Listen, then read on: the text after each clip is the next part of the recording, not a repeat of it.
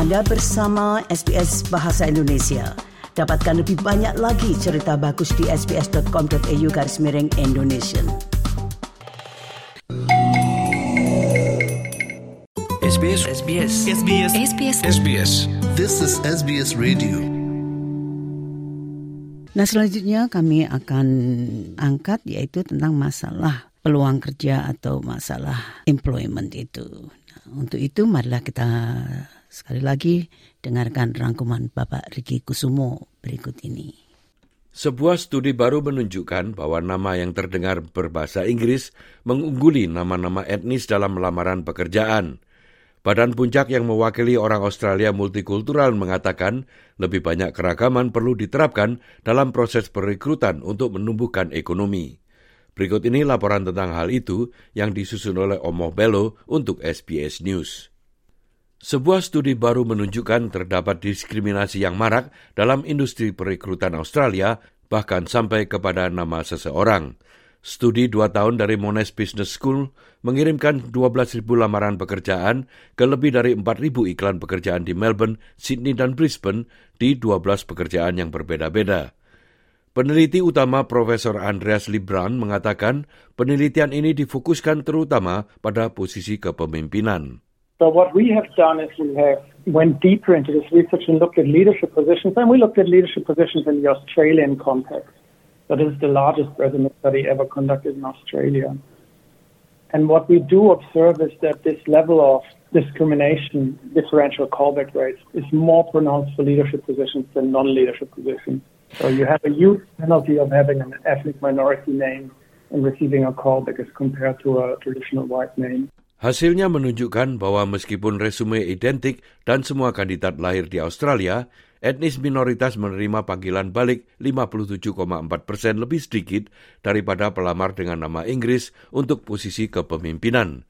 Dan untuk posisi non-kepemimpinan, nama yang berbau etnis minoritas menerima panggilan balik 45,3 persen lebih sedikit.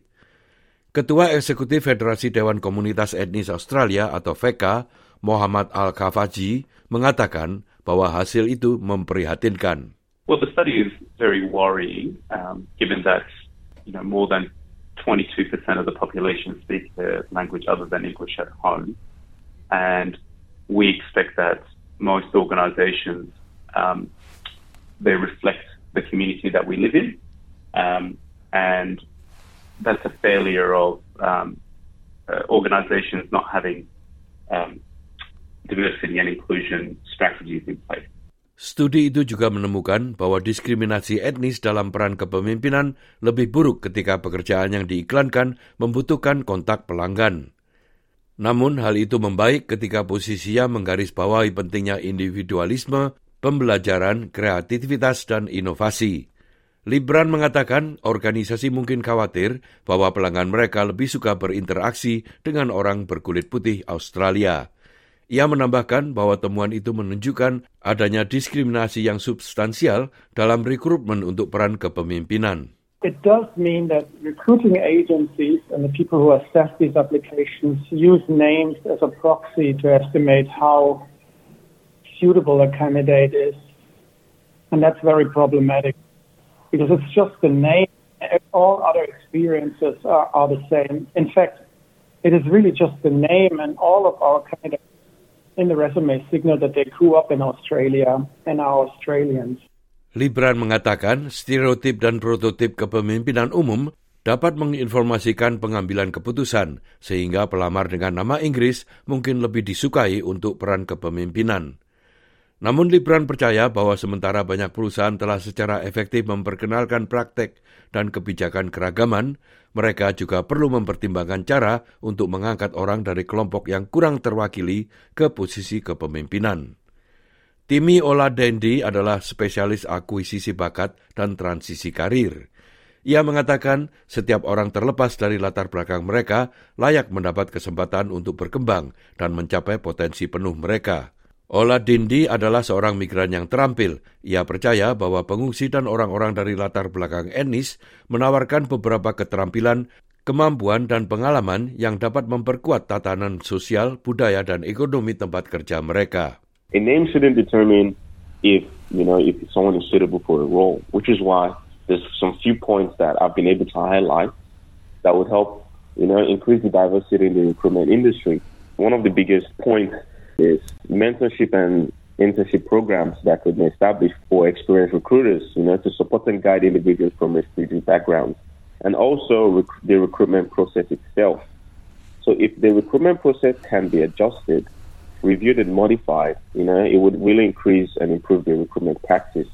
Ia menambahkan bahwa kekurangan keterampilan di Australia akan dapat diatasi dengan praktik inklusi yang lebih baik dalam industri perekrutan. We're not looking in the right places. We have people. They just need to be given the opportunity. These little things are the reasons why we keep missing out on talent. We're not able to retain proper talent. And we have people coming from overseas with these talents without the opportunity.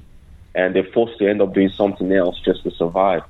And in doing so, they lose a lot of their momentum, they lose a lot of their confidence in that skill and just continue with that role. So it's our job to make sure that these talents are retained, they're sharpened. You know, as soon as they come on board, we have internship programs, we've got training programs that would assist them and they're able to express and utilize this this talent you know, to the benefit of the greater good for the entire Australian community. CEO dari VK Al-Kafaji merekomendasikan bahwa organisasi perlu memiliki rencana keragaman dan inklusi dan memastikan bahwa manajer perekrutan terlatih dengan baik serta menghindari bias yang tidak disadari. We need to make sure that um, there are uh, blind recruitment processes in place, meaning that you know you remove the person's name um, to make sure that you address that unconscious bias.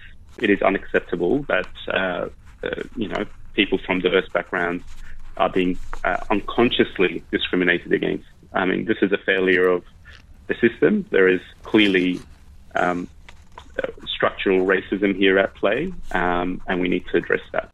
Demikianlah tadi sebuah rangkuman tentang rekrutmen yang disusun oleh Omo Bello untuk SBS News dan disampaikan oleh Ricky Kusumo.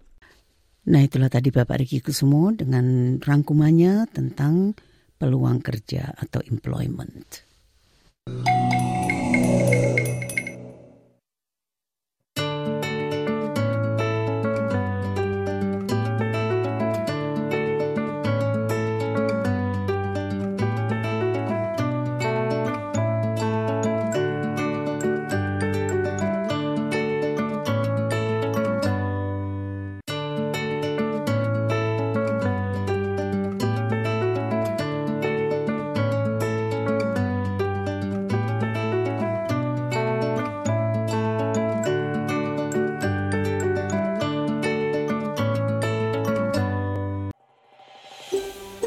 Anda ingin mendengar cerita-cerita seperti ini? Dengarkan di Apple Podcast, Google Podcast, Spotify, atau di mana pun Anda mendapatkan podcast Anda.